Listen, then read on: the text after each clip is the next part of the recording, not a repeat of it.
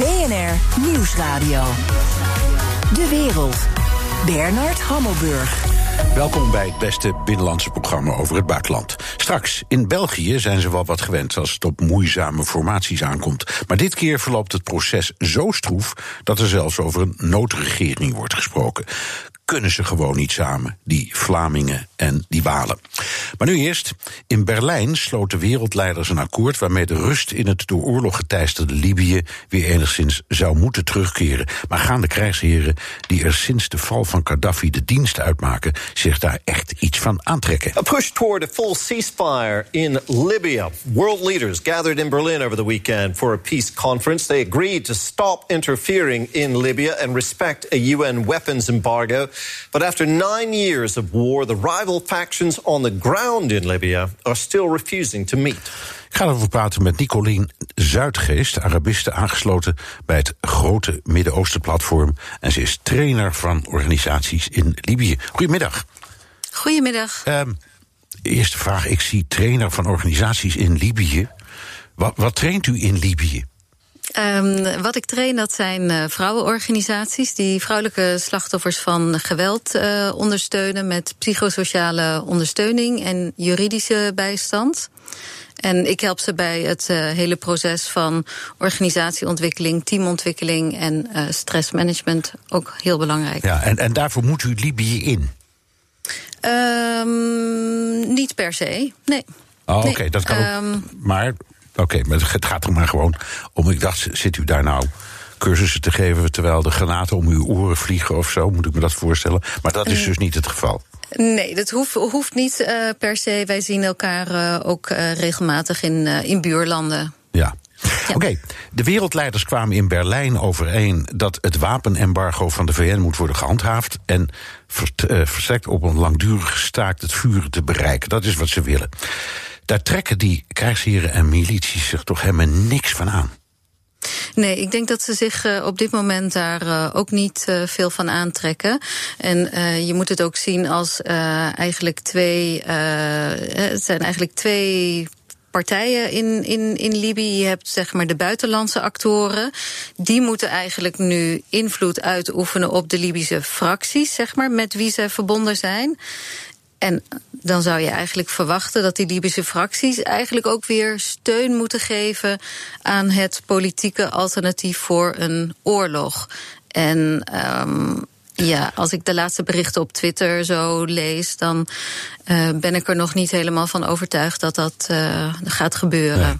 Nou, laat, uh, met uw goedvinden gaan we proberen om. ja, het is voor mij altijd een beetje een Gordiaanse knoop, het begrijpen van, van Libië. Om dat een beetje uit elkaar te rafelen. Wat we zien in de media, zal ik maar zeggen. En uh, in, in, in dingen die toch ja, de zaak comprimeren, is dat je twee kampen hebt. Behalve dan nog uh, in het zuiden, komen we misschien ook nog wel over te spreken. Maar de belangrijkste kampen, aan de ene kant Sarraj, um, die ja, dan de officiële regering heet te leiden. En de steun heeft van nou, veel westerse landen, de VN en zo. En dan Haftar, die veldmaarschalk, een titel die je ook niet alle dagen meer tegenkomt. Maar goed. Uh, maar ze komen om in de wapens. Uh, Haftar krijgt ze van de Russen. Uh, en stiekem ook van de Fransen. Mm -hmm. uh, hoe handhaaf je nou een wapenembargo? Nou, dat is vrij, eh, een vrij grote uitdaging uh, in Libië. En dat is in de afgelopen dagen ook uh, gebleken. En ik denk dat je zelfs kunt zeggen dat uh, wij afgelopen dagen stond er in de Volkskrant nog een mooi voorbeeld. Dat er een oude onderzeeboot. Ja, dat, dat Ierse schip, hè, geloof ik. Ja, ja. ja via Nederland dus verhandeld is naar de Verenigde Arabische Emiraten. En dus gewoon weer voor de kust van Libië met boordkanonnen ja. beschikbaar is. Dus, en, ja. en er stond er zo'n cirkeltje op die foto van hier staat, het, hier staat het kanon, dat er dus officieel helemaal niet op mag zitten. Ja, precies. Ja, ja. ja het vertelt het verhaal inderdaad. Uh, ja, één foto is meer dan duizend woorden. Maar goed. Ja. De, u had het over de buitenlandse invloeden. De wereldleiders die komen dan in Berlijn bijeen om, om, om te praten. Maken die zich nou echt druk om het lot van de Libiërs? Of denken ze eigenlijk alleen maar aan dingen als vluchtelingen, terrorisme, jihadisme, olie, kortom, hun eigen belangen, vanuit hun eigen politieke belangen? Ja, nou dat is, dat is nou precies het uh, punt wat ik van heel veel Libiërs uh, hoor. Uh, ze zeggen van ja, Europa maakt zich heel erg druk om alle vluchtelingen, migranten, et cetera. Maar we horen eigenlijk nooit dat Europa zich zorgen maakt over het lot van de Libiërs ook zelf. Dus als er akkoorden worden gesloten, gaat het altijd over migranten. En er wordt eigenlijk nauwelijks gesproken over de Libiërs zelf die in het land leven. Dus je kunt denk ik de conferentie van Berlijn kan je ook gewoon zien als een, mooi, um, mooie aanleiding. Dat je in principe kunt zeggen: kijk, uh, Rusland en Turkije, hun invloed in, het, in Libië neemt toe.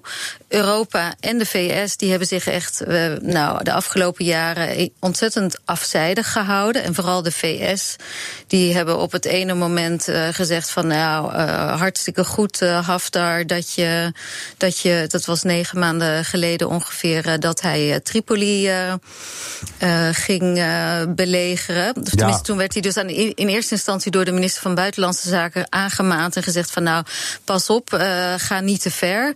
En drie dagen dagen later werd hij door Trump geloofd omdat hij zo goed de strijd aanbond tegen het uh, terrorisme. Dus ja. hoe tweeslachtig kan je zijn? Ja. En ik denk dat uh, zeg maar dat hele verhaal van de conferentie van Berlijn een heel mooi voorbeeld is dat Europa en de VS eigenlijk heel erg bang waren om buitenspel gezet te worden in Libië. Dat de Turkse macht daar heel erg uh, toeneemt, plus de Russi Russische invloed. En dat ja, daardoor... Dus naar soort, even, even nog een ander. Frankrijk valt mij ook op. Die, die zitten aan de ene kant eh, in de EU. Uh -huh. De EU zit in het kamp van uh, uh, Sarraj. Maar Frankrijk stuurt, steunt ook generaal Haftar. Uh, ja. dat, dat doen ze dan stiekem, zou ik maar zeggen. Maar goed, iedereen weet het. Uh, Turkije steunt dan weer uh, Sarraj. De Russen steunen weer Haftar. Die hebben een heel huursoldatenleger van uh, de firma Wagner. Kijken we nou naar een soort theatervoorstelling? Uh, nou, ik denk dat je er best een leuke soap over zou kunnen maken. Ja, of, een, of, een, tra of een tragedie. ja. Ja. ja, precies.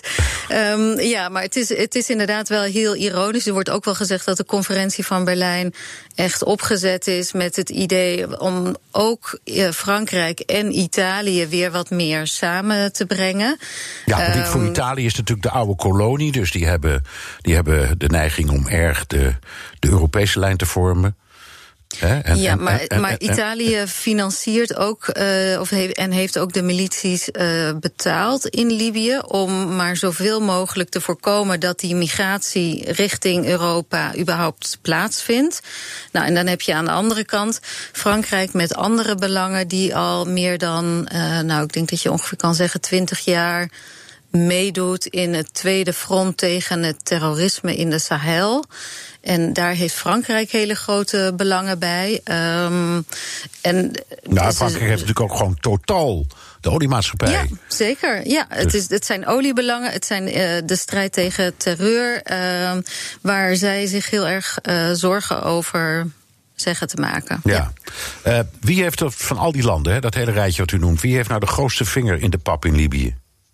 Zijn het de Russen met hun huurlingen of de Turken die troepen sturen uh, om Sarraj te steunen? En dat zijn dan weer Syriërs, maar goed, dat is om het ingewikkelder te maken, denk ik. Uh, of toch wel Europa of Italië. Wie heeft nou de, de, de echt invloed? Um, nou, ik, ik denk dat je kan zeggen dat uh, als je kijkt naar het grondgebied wat er in handen is, uh, Haftar die heeft nagenoeg zeg maar vijf zesde van Libië zeg maar qua grondgebied in handen. Uh, de olieterminals en de olievelden zijn, zijn, zijn in zijn handen. En sinds de conferentie van Berlijn heeft hij ook de olie- en de gaskranen dichtgedraaid. Om eigenlijk maar af te dwingen dat er een oplossing gaat komen die zeg maar aan zijn eisen zeg maar tegemoet komt. Uh, dus zeg maar, er wordt gezegd dat, dat Haftar Rusland ja. dus iets militair, zeg zijn, maar, meer de overhand uh, heeft okay. vergeleken met, Rus ja, met Turken. Het is één, als ik het zo mag zeggen, ratje toe van stammen. Dat is het altijd geweest. Het is een ingewikkeld land, Libië. Uh, die strijd gaat over, gaat over internationale belangen heen. Gaat er vaak om hele lokale kwesties. We kunnen het niet goed oplossen. Kun, is er ook niet een redenering? ja, kun je niet zeggen laten we ons gewoon allemaal terugtrekken. Als ze elkaar daar overhoop willen schieten, moeten ze dat maar doen. Wij kunnen daar verder niks meer aan veranderen. En uh, ja, met die vluchtelingen, dat zien we dan wel weer. Ja, ik vrees dat dat het uh, probleem namelijk niet, uh, niet oplost. Uh, je kan, en ik vind ook dat de Europese Unie en eigenlijk ook de NAVO, hè, die hebben in 2011 geholpen met hun operatie om Gaddafi uit het zadel te wippen. Nou, dat is gelukt. En je kunt stellen dat Europa, de NAVO, eigenlijk in gebreken zijn gebleven door onvoldoende Libië steun te geven bij het heropbouwen van politieke sociaal-politieke ja, maar. Er viel, er, viel, er viel zo weinig op te bouwen, want er waren onder Gaddafi helemaal geen instituties, geen instanties, niks. Ja, dus maar daarom hadden ze. Ja, maar dan, dan hadden ze dus juist zeg maar in dat, op dat terrein moeten helpen. In plaats van het helpen met het organiseren van verkiezingen. Nee, daar is zo'n land nog helemaal niet aan toe. Je moet eerst alle instanties weer uh, op gaan bouwen. Ja. Precies. Mijn gast, Nicodien Zuidgeest, Arabiste, aangesloten bij het grote Midden-Oosten platform. En ze is trainer van organisaties in Libië. There are currently two sides to Libya. The internationally recognized government, and the opposition, spearheaded by this man, General Khalifa Haftar. He wants to take power, and he's raised the stakes. Forces supporting General Haftar have blocked oil exports from key ports in eastern Libya, holding the economy to ransom. The country is divided, with anti-Haftar protests in western Libya. Ja, dus eh, u zei dat al, Haftar, eh, ja, als je gewoon in, in militaire termen denkt, die is dan toch wel aan de winnende hand.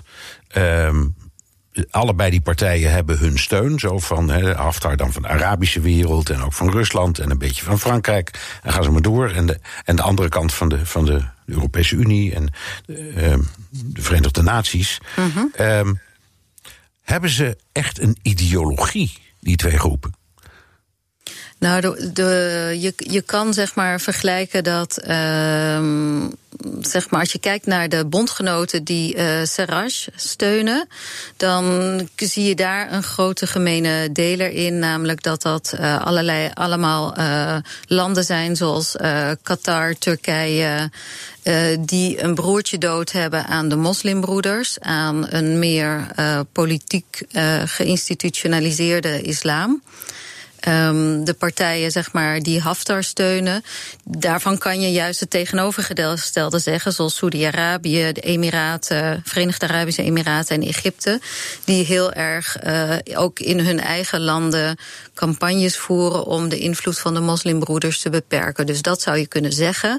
Maar het ironische is op zich momenteel dat uh, Turkije, die is bijvoorbeeld, heeft 2000 uh, huurlingen uit Noord-Syrië die hun helpen in de strijd hè, met uh, in um, noorden van Syrië. Die hebben ze naar Libië geëxporteerd, waardoor eigenlijk alle stamhoofden, eigenlijk alle partijen die Haftar steunen, hebben gezegd van ja, maar wij zijn nu eigenlijk zo bezorgd over deze nieuwe Turkse kolonisatie van Libië. Want Libië was vroeger ook een onderdeel van het Ottomaanse Rijk. En we zijn daar zo bezorgd over dat we nu Haftar eigenlijk alleen nog maar meer steunen. Dus het, het, het gooit ook uh, olie op het vuur. Ja, ja, precies. Nou ja, maar ik stelde straks de vraag, ik draai het even om. Stel dat al die landen zich gewoon terugtrekken. En zeggen geen militaire steun, geen logistieke steun. Uh, jongens, zoek het zelf eens even uit. Dat, dat heeft dan toch. Ik, ik, ik, ik, ik blijf het gevoel hebben dat dat dan toch uiteindelijk tot. Nou ja, minder problemen leidt, laat ik het zo zeggen. Ja, ik, de, ik denk uiteindelijk, uh, het, het, dat zou, zou zo kunnen uitpakken. Waren het niet dat uh, het wel zo is dat als je, als je Libiërs vraagt van wat moet er gebeuren, um, dan zegt eigenlijk iedere Libiër van nou, het, maakt ons niet uit zolang het maar vrede wordt. Um, en de ene Libische politicus is precies hetzelfde als de andere. Daar hebben ze totaal geen vertrouwen meer in. Het zijn allemaal zakkenvullers en dat geldt ook zeg maar, voor de meeste milities en andere gewapende partijen. Ja, u had het al over 2011. Uh, toen uh, Gaddafi werd geliquideerd. Dat mhm. was eigenlijk een uit de hand gelopen actie. Want er was een resolutie aangenomen in de Veiligheidsraad uit mijn hoofd. 1973 heette die, mhm. geloof ik. En dat, dat ging er dan om om Benghazi te beschermen tegen. Uh, anders zouden ze onder de voet worden gelopen door de troepen van Gaddafi. En die, die, die resolutie, daar, hebben de Russen dan zich van stemming onthouden. Wat, wat iets heel bijzonders was. Was nooit eerder vertoond in zo'n situatie. Hebben ze ook nog altijd spijt van. Maar die is, zeggen heel veel mensen, misbruikt om Gaddafi vervolgens te liquideren. Is dat ook uw visie? Had, had, hadden Frankrijk en, en de NAVO, en, en Nederland heeft daar ook een rol in gespeeld, het echt moeten beperken tot wat er in die resolutie stond? Namelijk het beschermen van het oostelijk deel van het land en Benghazi. Mm, nou, mag ik daar ook geen mening over hebben? Ik bedoel, dat, dat is voor mij meer, um, um, zeg maar, valt dat te scharen onder. Uh, oude koeien uh, uit de sloot halen. Ja, dat, waar je dat, eigenlijk dat uh, niet zoveel. Oh, oh, Ja. Sorry dat ik het zeg, maar waar op dit moment eigenlijk niet zo heel veel. Uh, het zet niet zo heel veel zoden aan de dijk. En dan zou ik het zelf interessanter vinden om te kijken van ja, wat, wat zou je nu wel kunnen? Kijk, de NAVO heeft toen gefaald, zeg maar deels succesvol geweest, maar heeft het werk gewoon niet Oké, afgemaakt. nou u stelt de vraag, wat kunnen ze dan wel doen? Beantwoord hem dan. Wat, wat ziet u als optie om echt te helpen of echt iets te doen? Um, ik vind het een, dat, dat blijft een, een lastige, lastige vraag. Uh, kijk, als je het aan internationale organisaties of waarnemers uh, vraagt, die zeggen van nou, er moet nu echt een bindende VN-resolutie komen voor een staakt het vuren bijvoorbeeld. De zeg maar, onderhandelingen moeten hervat worden over het sociaal-politieke. Uh, vereniging van het land. Dus dat is zeg Ja, maar. maar dat een, moeten ze allemaal een- zelf willen in Libië. En dat willen ze helemaal niet. Ja, precies. En dan heb je dus ook nog het, uh, het wapenembargo. Ja, als je dat wil handhaven, ja, dan moet je heel veel. Um, mechanismes in werking stellen die je, denk, naar mijn mening, in Libië heel moeilijk kunt uh, waarborgen. Want Libië is zo'n is een land waar je op de markt uh, tussen de olijven en de jonge poesjes en de parkietjes kun je gewoon alle, alle Turkse ja, kleine wapens kopen. Ja. Ja, dus het, nou, dat is, het beeld dat u schetst is dit, is... dit los je niet zo snel op. U weet het ook niet helemaal. Dan heb je nog een, een partij waar we het nog niet over hebben gehad. Dat zijn de Tuaregs. Dat is eigenlijk een zwerfvolk, maar die zitten dan in het zuiden van uh, Libië. En die zijn destijds na het verslaan van Gaddafi aan de loop gegaan met alle zware wapens die zij gebruikten als huursoldaten voor Gaddafi. En die zijn vervolgens dan uh, narigheid gaan veroorzaken in Mali. Maar ze zitten in Zuid-Libië. Wat voor rol spelen ze binnen? Is dit ook nog een factor van belang? Uh, je, je kan zeggen dat eigenlijk alle volken, zeg maar, die in meer of mindere mate in de hele Sahel, dus uh, Tjaad, Niger, Burkina Faso, Mali zitten. En ook uh, Tuareg zitten bijvoorbeeld ook in het zuiden van Algerije. Ja. Dat die allemaal. Uh, een, een, een, een vinger in de pap hebben. En dat heeft ermee te maken. En dan heb ik het zeg maar niet per se over uh, de ene Touareg versus de andere of de ene etniciteit. Maar het gaat er meer om als je kijkt naar de historische banden tussen de Sahelregio en Libië. Het zijn hele oude banden als het gaat om. Uh, handel van uh, goederen, als het gaat om uh, de financiële wereld, zeg maar bank. Er zijn hele oude bankhandelssystemen die al, die zeg maar vanuit de karavaanhandel doorlopen naar Libië en die tot op heden gewoon nog bestaan. Nou, dat is zo'n zeg maar ingewikkeld netwerk, uh, wat ook moeilijk is om te doorgronden. Maar eigenlijk kun je zeggen dat al die partijen die in die landen zitten, die hebben hun uh, meer of mindere belangen bij geld verdienen aan um, een bepaalde handel. Of dat nou wapens is, of brandstof, of sigaretten, of, uh, of mensen. mensen. Ja. ja. ja. ja. En daarmee uh, denk je, kom je toch bij het ding. We hadden het aan het begin van het gesprek al over. Ja, voor, die, voor de landen die proberen in te grijpen, die hebben allemaal toch hun eigen uh, criteria. En de migratiestroom is een hele belangrijke. Onder Gaddafi was dat goed geregeld. Uh, want daar, hadden ze, daar, had, daar had Europa afspraken mee, maar die, die zijn er nu niet. Um, ja, maar het is wel interessant om op te merken dat uh, het net zo hard gehandeld werd in mensen onder Gaddafi als, als nu nu. na Gaddafi. Ja. Ja. er zaten gewoon al in 2007 en die jaren daarvoor een soort van migratiehuizen vlakbij het strand, waar mensen dan hop met een bootje hup de Middellandse Zee op konden en waar iedereen van af wist dat het gebeurde. Ja, en dat blijft dus zo in deze omstandigheden. Ja, ik vrees dat het wel een, eh, een, eh, een, een stevige traditie is in ja. de regio. ja. Nou, waar zijn we, ja, waar zijn we aan begonnen, zou ik zeggen. Oké, dank Nicolien Zuidgeest, Arabiste, aangesloten bij het Grote Midden-Oosten Platform en trainer van organisaties in Libië. BNR Nieuwsradio. De wereld. Bernard Hammelburg. De Europese Commissie zoekt naar een nieuw groen groeimodel en hoe ze een enorme, grotere rol op het wereldtoneel kunnen spelen. In het Europese parlement steggelen ze over een conferentie over de toekomst van Europa. Maar ook in Frankfurt, in de toren van de Europese Centrale Bank, vragen ze zich af welke rol ze in de toekomst moeten spelen. Europa-verslaggever Jesse Pinster ging hierover in gesprek met de ING-hoofdeconoom in Frankfurt, Karsten Brzeski. De ECB en de. Ja, de strategische evaluatie heb ik het maar eventjes vertaald. Ja, heel mooi, heel mooi. Ja. ja wat is die strategische evaluatie? Nou, de, de, strategische evaluatie is uh, voor de eerste keer uh, na 2002, 2003 dat de ECB een keertje wil kijken van, nou, doen we nog het goede beleid? We are going to review um, a whole host of issues. De doelstelling van, van uh, dichtbij, maar onder 2%, is dat nog de goede doelstelling? En zij willen ook kijken hoe de instrumenten uh, het hebben gedaan. Of dat ook nog de, de goede en geschikte instrumenten zijn voor het huidige beleid. Maar kunnen ze zomaar hun instrumenten gaan aanpassen? Dat is toch vrij simpel bij een centrale bank. Ze kunnen met de rente uh, kunnen ze wat en met opkoopprogramma's, zeg ik maar even simpel. Dat, daar kan je toch niet veel meer van maken dan dat?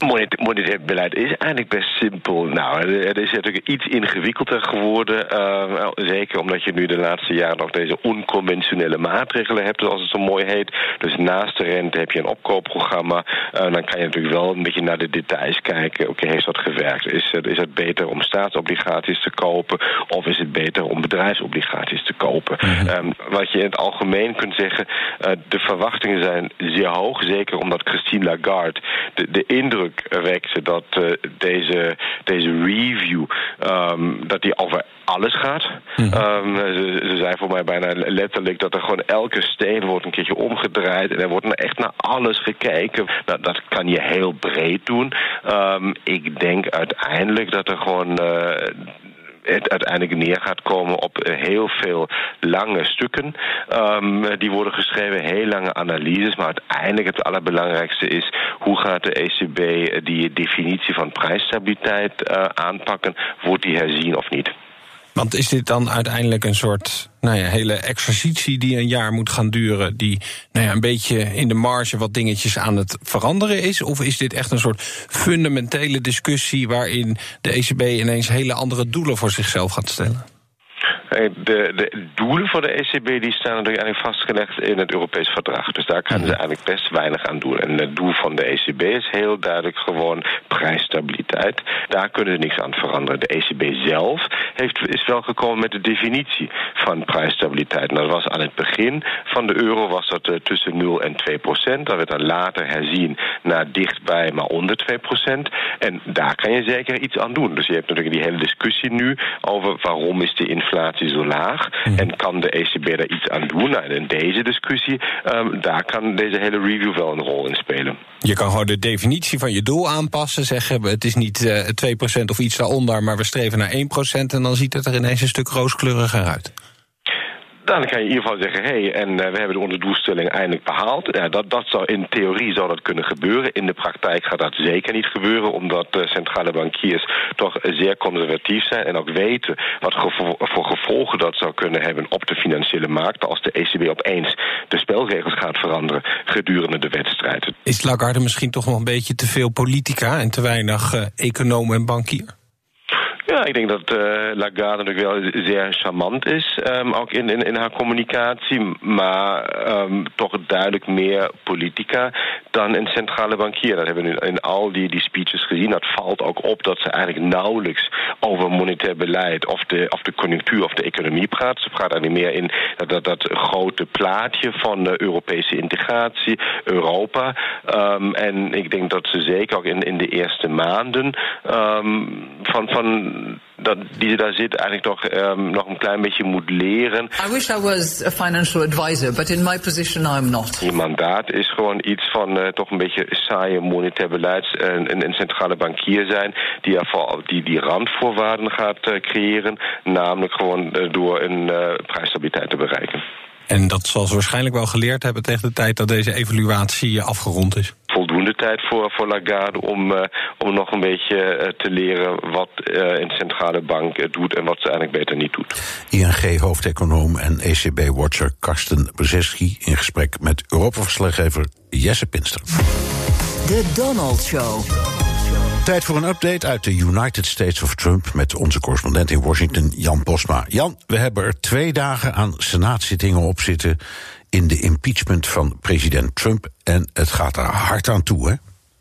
Ja, best wel, Bernard. Uh, aan het einde van de eerste dag, toen er nog over de regels gedebatteerd werd, toen botste het even flink tussen Nadler van de Democraten en Cipollone van het Trump-team. Uh, Nadler zei dat de Republikeinen eigenlijk tegen Amerika zouden stemmen als ze uh, tegen meer getuigen zouden stemmen. Het is een verraad eigenlijk. En die Cipollone die zei daarop dat Nadler zich moest schamen. Het zorgde zelfs even voor dat de opperrechter Roberts de twee campanen tot de orde riep. Sprak ze even streng toe dat die emotionele taal niet in deze deftige senaat thuis hoort. En toen kwam de term pettyfogging voorbij. En, en dat woord werd meteen heel vaak gegoogeld. In the 1905 Swain trial, a senator objected when one of the managers used the word pettyfogging. And the presiding officer said the word ought not to have been used. I don't think we need to aspire to that highest standard, but I do think those addressing the Senate should remember where they are paddyfokking, Jan. Ja, ja, ik moest het ook even uit opzoeken, Bernard. Het is uh, als je ruzie maakt over iets kleins, een beetje muggenziften, denk ik. En het is een term uit de 16e eeuw. Toen betekent het een, een, ja, een advocaat van weinig allure die kleine zaken aanneemt. Maar eigenlijk sinds 1900 wordt het al niet veel meer gebruikt. Dus dit zegt ook een beetje, uh, laat zien wat, uit wat voor wereld zo'n opperrechter komt. Ja, ja, nou, als je kijkt naar de gemiddelde leeftijd van die senatoren, dan denk ik, die hebben dat zelf wel meegemaakt. Maar goed, ja. ja. eerste twee dagen waren meteen lang en tot diep in de nacht. En dat was te merken aan uh, ja, dat uh, gezelschap... wat toch een beetje aan een geriatrische inrichting doet denken, toch? Ja, de gemiddelde leeftijd is, uh, ik geloof, 62 jaar. Uh, maar de oudste is uh, ruim in de, in de 80. Dus het, ja, dit is inderdaad een beetje een bejaardentehuis af en toe. En na een paar uur merkte je dat al, Bernard. Ze werden al moe en verveeld. En, en dat blijft op tv wel aardig verborgen. Want de nieuwszenders die mogen er geen camera's de zaal inbrengen. Dus je krijgt alleen de officiële feed van de Senaat te zien. En die zoomt niet in op de luisterende of soms ook slapende senatoren. Er werd echt flink gegaapt. En, en ja, je zag de verveeldheid uh, gewoon, gewoon, dat zag je gewoon. En, en dat komt natuurlijk door dat hele late beginnen. De, de veel spreektijd in die eerste paar dagen gepropt. En dat is echt de tactiek van de Republikeinen. Het gaat door tot diep in de nacht. Het is gewoon heel saai en dat is precies wat ze willen. Want dan is het saai, dan kijkt niemand. Nee, en ze moeten zich aan allerlei regels houden. Dat maakt het alleen maar erger, lijkt mij. Ja, want ze moeten officieel dus in de zaal blijven zitten. Nou, dit, gaat dus. De eerste dag hebben ze twaalf uur gedebatteerd. Moet je de hele tijd daar in je stoeltje blijven zitten. Ze mogen geen smartphone mee. Dat is natuurlijk in deze tijd wel echt een probleem. Ze mogen niet met elkaar praten. Ze mogen geen koffie drinken. Alleen water en melk is toegestaan. Dat is een regel ergens uit de jaren zestig. Um, dus er is echt niets te doen. Ze mogen alleen maar luisteren. En iedereen moet afkicken van zijn telefoon en, en staart in de, in, in de verte. En je snapt het, niet iedereen houdt zich dus aan die regels. Gisteren, toen de Democraten begonnen aan hun verhaal, waren echt veel Republikeinen de zaal uit. Er werd gewoon gepraat. Uh, Rand Paul, een Republikein, deed de kruiswoordpuzzel, dus die kon het echt niks schelen. En dat smartphoneverbod, ja, daar was ook wat op gevonden. Acht senatoren die droegen een Apple Watch. Dus die zaten toch via hun telefoon nog een beetje hun mail te checken en, en, en te kijken of Trump nog getweet had. Daar zit wel een risicootje in, want ze zijn gewaarschuwd dat er gevangenisstraf op staat als er regels worden overtreden. En het enige wat je wel mag eten, Bernard, is snoep. Er is een snoepla, beheerd door een republikein, Patrick Toomey. Die komt uit Pennsylvania. Daar komt ook een bekend chocolademerk vandaan. En die la is bipartisan. Dat is, dat is een van de weinige plekken waar beide partijen mogen samenkomen. Ja. Uh, maar ja, je zag ook na die eerste avond, hadden ze twaalf uur erop zitten. Toen renden die senatoren echt naar de uitgang. En als je dat allemaal zo bij elkaar optelt, is de Senaat denk ik een beetje veranderd in een middelbare school. Uh, recalcitrante pubers die de les saai vinden, veel te veel suiker binnenkrijgen en dus vooral hun telefoon missen. Ja, nou, ik kan, kan me ook niet voorstellen dat je daar. Uh dagen maakt van 12 uur per dag en niet op je telefoon kunt kijken. Dankjewel. Ja, niet meer van deze tijd. Dankjewel, Jan Posma, correspondent in Washington. BNR Nieuwsradio. De wereld. Bernard Hammelburg. Het wereldrecord formeren hebben de Belgen al in handen en ze hoopten het niet te verbeteren. Maar de huidige gesprekken over een federale regering verlopen zo slecht dat er niets meer onbespreekbaar is. Misschien moet je dan een soort systeem installeren waarbij dan gezegd wordt: oké, we hebben geen regering na zoveel maanden. We nemen de Vlaamse partijen uit de Vlaamse regionale regering. We nemen de Waalse partijen uit de Waalse regionale regering. En die zijn verplicht om gedurende een bepaalde tijd die noodregering te vormen. Dan heb je tenminste een soort mechanisme waarmee er vertrokken kan worden. Misschien moeten we naar dat soort oplossingen. Dat was politiek journalist Ivan de Vadder van de VRT. Ik praat erover door met Dave Sinardet, hoogleraar politicologie aan de Vrije Universiteit in Brussel. Dag meneer Sinardet.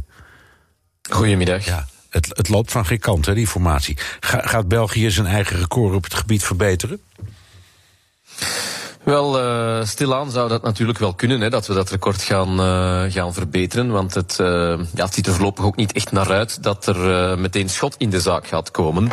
Ehm, bovendien, ja, het hangt er ook een beetje vanaf vanaf wanneer je begint te tellen. Hè. Dus als je vanaf de verkiezingen van 26 mei telt, ja, dan zitten we nu aan ongeveer acht maanden zonder regering. Maar eigenlijk was de Belgische federatie regering al in lopende zaken sinds uh, december vorig jaar. Hè, omdat die uh, vroegtijdig gevallen is. Dus uh, als je die periode er nog eens bij rekent, ja, dan zitten we eigenlijk al meer dan een jaar zonder volwaardige federale regering. Ja. Um we hoorden, we hoorden uw collega of, of, Ivan de Vadder zeggen. Ja, dan moet je iets doen met de bestaande regering. Die zijn misschien tot elkaar veroordeeld. Is dat een idee? Goh, ik denk niet dat dat echt zo'n heel goed idee is. Uh, want dan, uh, ja, dan maak je het toch ook wel heel moeilijk, uh, of nog moeilijker denk ik, om België te besturen. Want als je, ten eerste ja, hebben we eigenlijk niet uh, regionale regeringen, zoals sommigen in Vlaanderen wel eens denken, maar eigenlijk drie. Hè, want Brussel heeft ook een volwaardige uh, regering. Dus dan kom wacht, je. Wacht, als ik u, als ik u als zo onbeleefd mag zijn, maar als ik zo onbeleefd mag zijn om even te onderbreken. Volgens mij zijn het er vijf. Als je het, de, de, het gebied uh, rondom Brussel meerekent en ook nog het Duitsstalige gebied, dan zijn er vijf andere regeringen. Of zie ik dat verkeerd? Dat, nee, nee, nee, dat klopt. Dus, dus aan ja, regeringen geen gebrek. Nee, nee, nee, nee, nee. En ook, maar dat heeft ook te maken met het feit dat wij twee verschillende types deelgebieden hebben gecreëerd. Hè, die elkaar dan ook nog eens deels overlappen. Dus daar zijn we echt uniek uh, in de wereld. Hè. Uh, want ja, Duitsland heeft zijn lender, Zwitserland heeft zijn kantons, Canada heeft zijn provincies, België heeft zijn gewesten en zijn gemeenschappen. En die hebben allemaal dan ook nog eens uh, zowel uh, parlementen als regeringen. Enkel aan Vlaamse kant heeft men uh, het parlement en de regering van, van gewest en gemeenschap samengevoegd. maar effectief, nu natuurlijk, ja, de Duitsstalige gemeenschap is zeer klein. Hè. dus ja, je gaat daar, gaat die partijen nu niet meteen ook in een federale regering gaan steken. Dus die vallen dan eigenlijk al af. En ja, de regering van de Franse gemeenschap, dat zou je kunnen zien als toch ook een soort optelsom van de Waalse en de Brusselse regering. Vandaar dat ik eigenlijk sprak over drie uh, echt regionale gewestregeringen die je dan eventueel zou moeten, uh, zou moeten samenvoegen. Maar zelfs al voeg je enkel de Vlaamse en de Waalse regering samen, zoals het dan in Vlaanderen soms wordt gezien, dat plan. Ja, dan uh, wordt het nog heel moeilijk. Hè, want dan zit je bijvoorbeeld in het huidige geval met uh, aan de ene kant een partij als de NVA, aan de andere partij, kant een partij als Ecolo. Ja, en ten eerste willen die al niet samenwerken, die twee partijen. Uh, maar ten tweede, ja, stel dat je die dan toch daartoe zou dwingen, dan krijg je toch echt ook wel geen, geen, geen coherent verhaal. Even, dus ik denk dat het toch beter is om ondanks alles een coherente regering te proberen vormen. Ja, even, even op, om, omdat wij maar simpele Hollanders zijn. Die, de NVA, dat is de partij van Bart De Wever. Hè, dat, dat kun je zien als een, als een, een, een, een pop, pop- populistische of een, of een populaire, maar volkspartij. Eh, hij is ook burgemeester van Antwerpen. En, dan, en die andere partij die u noemde, dat is eigenlijk, dat is eigenlijk meer een groene beweging, hè? Ja, dat klopt, ja. ja. En, en, en het is eh, om, de dat zou bij ons. Franstalige afdeling van de, groets, Ja. van de Partij, of de Het, het, het, zou in Nederland ook niet zo voor de hand liggen om een coalitie te smeden tussen, laten we zeggen, GroenLinks en het Forum voor Democratie. Dus we kunnen ons wel voorstellen dat die dingen mo- moeilijk liggen. Maar ik, ik, ik, ik vraag er even op door, omdat je denkt, ja, maar dat zijn toch de enige echte serieuze bewegingen, politieke bewegingen. En ze moeten iets, die Vlaamse en die Waalse partijen. Dus wat ziet u als opties? Mhm. Wel, eh, het probleem, of, de, de, de reden dat we nu heel moeilijk een regering kunnen vormen, is natuurlijk het gevolg van de verkiezingsuitslag van 26 mei. Dus misschien moeten we daar toch nog even naar terug. En ja, die uitslag, eh, daarin zag je een aantal fenomenen die eigenlijk niet zo verschillend zijn als in veel andere Europese landen. Hè. Dus wat we zagen is dat eh, alle traditionele partijen en alle partijen die de voorbije jaren bestuurd hebben, zwaar hebben verloren. De winnaars zijn eigenlijk radicale anti-establishment partijen, eh, radicaal links, radicaal en in mindere mate de groenen. Eh, je hebt ook een heel sterke versnippering van het, eh, van het partijlandschap. Hè. En eh, ja, daardoor is het natuurlijk zeer moeilijk om een regering te vormen, want er vallen al 30 zetels op de 150 af, hè, die bij die radicale partijen zitten, die ofwel zelf niet in de regering willen, of waar andere partijen dan niet mee willen besturen. Je zit bovendien met allemaal partijen die toch in een soort identiteitscrisis zitten, want die hebben allemaal de, allemaal de verkiezingen verloren, dus die hebben nu eigenlijk allemaal schrik van hun eigen eh, schaduw. Hè. En dat, dat hebben we de voorbije maanden ook gezien. En ja, je hebt sowieso al een vijftal partijen nodig om, om een regering te vormen. Hè. En, en in sommige formules zelfs zeven. Het probleem is ook dat veel logische formules niet mogelijk zijn door dat resultaat. Een centrum-linkse regering is niet meer mogelijk. Centrum-rechtse regering is niet meer mogelijk. Een alliantie van de drie traditionele families, socialisten, christendemocraten en liberalen, is ook mathematisch niet meer mogelijk. Dus er zijn eigenlijk maar twee opties. Hè. En ja, die ene optie dat is eh, dan een samenwerking tussen de NVA, hè, dus eigenlijk vooral een, een Vlaams-nationalistische partij ter rechterzijde aan de ene kant, en de Partie Socialist, eh, dus de, ja, de socialistische partij eh, aan de andere kant. Ja. En ja, het Dat is de probleem is partij dat dat van, een heel, van- dat is heel de partij- moeilijke alliantie is. Dat is de partij van Di Rupo, hè? Ehm, en, Mhm. en, en die zegt, als ik het goed begrijp, ehm, als, als de NVA van Bart de Wever, dus de, de Vlaamse nationalisten, eh, dwars liggen, ja, dat, de, die, die, die vindt dat eigenlijk prachtig, die de Wever, dat die formatie maar niet wil lukken. Heeft hij daar gelijk in? Wel, wel, het is deels natuurlijk zo. Inderdaad, de N-VA is een Vlaams-nationalistische partij. Volgens haar statuten zelfs nog altijd een separatistische partij. Dus die eigenlijk het einde van België wil en een onafhankelijke Vlaamse staat. In hun programma zijn ze daar wel minder radicaal in geworden. En pleiten ze voor eh, wat ze dan confederalisme noemen. Grotendeels omdat ze weten dat er eigenlijk geen draagvlak is in voor die, eh, voor die splitsing. Maar het klopt wel dat eh, ja, het lange aanslepen van die regeringsvorming hen wel toestaat om te zeggen dat hun analyse dat België niet werkt, hè, dat die analyse klopt. Hè. Dus in die zin ja, komt het hen niet slecht uit als die regeringsvorming langer aansleept. Een ander probleem is dat het ook niet helemaal duidelijk is in hoeverre die N-VA echt nog in een Belgische regering wil stappen met de Partie Socialist.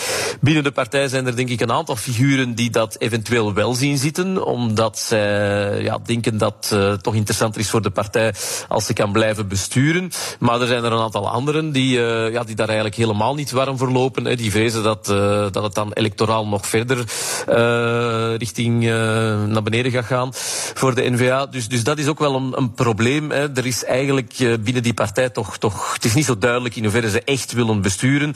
En effectief het alternatief, ja, een verlenging van de crisis, komt hen eigenlijk niet slecht uit. Dus, je, je moet dus...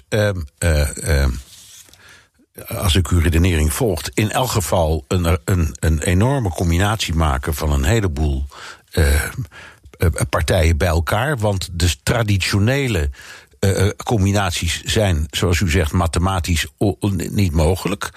Um, mm. dan, dan, dan denk je, uh, zo, als je het allemaal hoort, heeft België eigenlijk behoefte aan een federale regering? Of moet, moet met, je kunt zeggen drie of vijf, hoe je het maar bekijkt, redelijk goed functionerende eh, deelregeringen je misschien afscheid nemen van het idee dat er een federaal bestuur nodig is?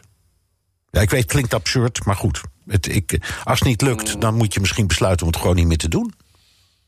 Wel, het probleem is natuurlijk dat er toch nog altijd uh, heel wat heel belangrijke bevoegdheden zitten op dat federale niveau. Hè. Ik denk bijvoorbeeld aan uh, ja, het grootste deel van de sociale zekerheid, uh, justitiebeleid, ja, defensie. de spoorwegen, defensie, fiscaliteit, ja.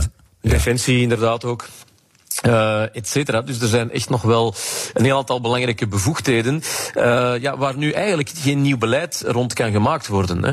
En dat, uh, dat is toch wel een probleem, zeker wat de begroting betreft, want de begroting is heel duidelijk aan het ontsporen in België. Dus daar moeten dringend een aantal regelen genomen worden.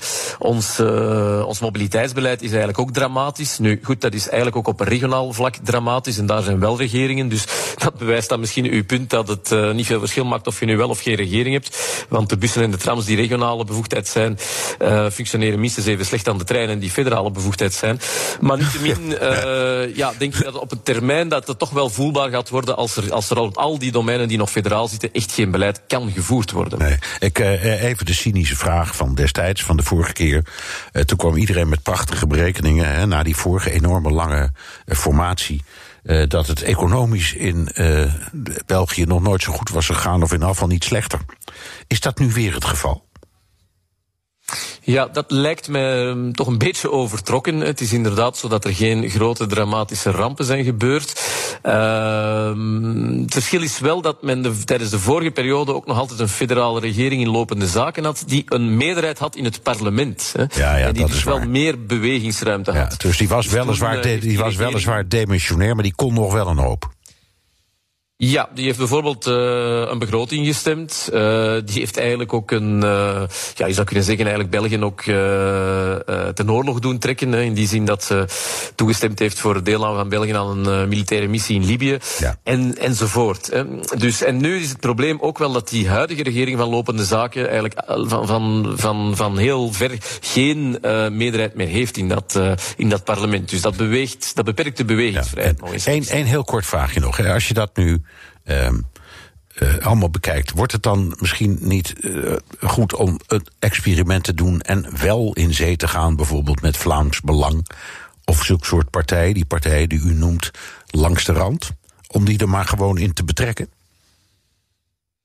Ja, je kan daarover discussiëren natuurlijk. In België is er altijd de traditie geweest om dat niet te doen. Uh, ook op Vlaams niveau is dat bijvoorbeeld uh, ja, niet cordon gebeurd. sanitair. dan, Ja. ja. Ja, het probleem is simpelweg, los van het standpunt dat je daarover inneemt ten gronde, dat op dit moment er niet voldoende partijen zijn die uh, met Vlaams Belang, met extreem rechts, willen samenwerken. Dus zelfs op Vlaams niveau kan je zo geen meerderheid maken, maar zeker op Belgisch niveau uh, lukt dat helemaal niet, want de Franstalige partijen uh, zijn daar eigenlijk nog veel principiëler in, in het niet willen samenwerken met extreem rechts. Ook omdat zij in Franstalig België, en dat is eigenlijk heel uitzonderlijk, hè, Franstalig België is een van de enige regio's in Europa waar geen sterke radicaal rechtse partij Nee, het is altijd een het altijd een links gewest links. geweest. Ja. Ja, klopt, ja. Ja, ja. dat is En, ehm, ja. Nou, het- het, ik- is dus het- nu al heel moeilijk eh, om een, om een akkoord te vinden tussen die NVA en die PS. Hè, want enfin, bij NVA ligt dat moeilijk, maar we moeten zeggen, bij, ook bij PS eh, ligt dat zeer moeilijk. Hè. Ook daar is geen eh, enthousiasme om met de NVA te gaan samenwerken. En dat is eigenlijk het gevolg van een jarenlange wederzijdse diabolisering tussen die twee partijen. Hè. Die, die hebben elkaar echt jarenlang een beetje als de duivel voorgesteld. Ja, en dan is het natuurlijk heel moeilijk om nu aan je achterban te gaan uitleggen dat, Dat je toch met de duivel ja. een pact gaat sluiten. Oké, nou, we blijven het met meer dan grote belangstelling volgen. Dank Dave Sinader, hoogleraar politicologie aan de Vrije Universiteit Brussel. En tot zover BNR De Wereld. Terugluisteren kan via de site, de app, iTunes of Spotify. Reageren kan ook via een mailtje naar dewereld.bnr.nl. Vanaf vanavond staat trouwens ook de nieuwe Amerika-podcast online. Tot volgende week.